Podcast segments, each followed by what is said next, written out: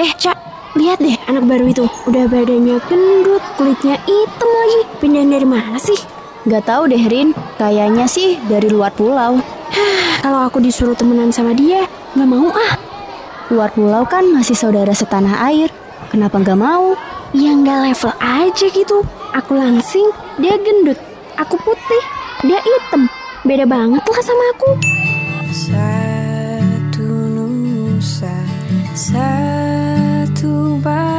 Ingat, Indonesia itu beragam. Ada yang berkulit sawo matang, putih, rambut lurus, keriting, badan gemuk, kurus, ada juga yang tinggi, pendek, dan masih banyak keberagaman lainnya. Sebagai sesama bangsa, kita harus saling menghormati dan menghargai perbedaan, karena kita adalah satu Indonesia.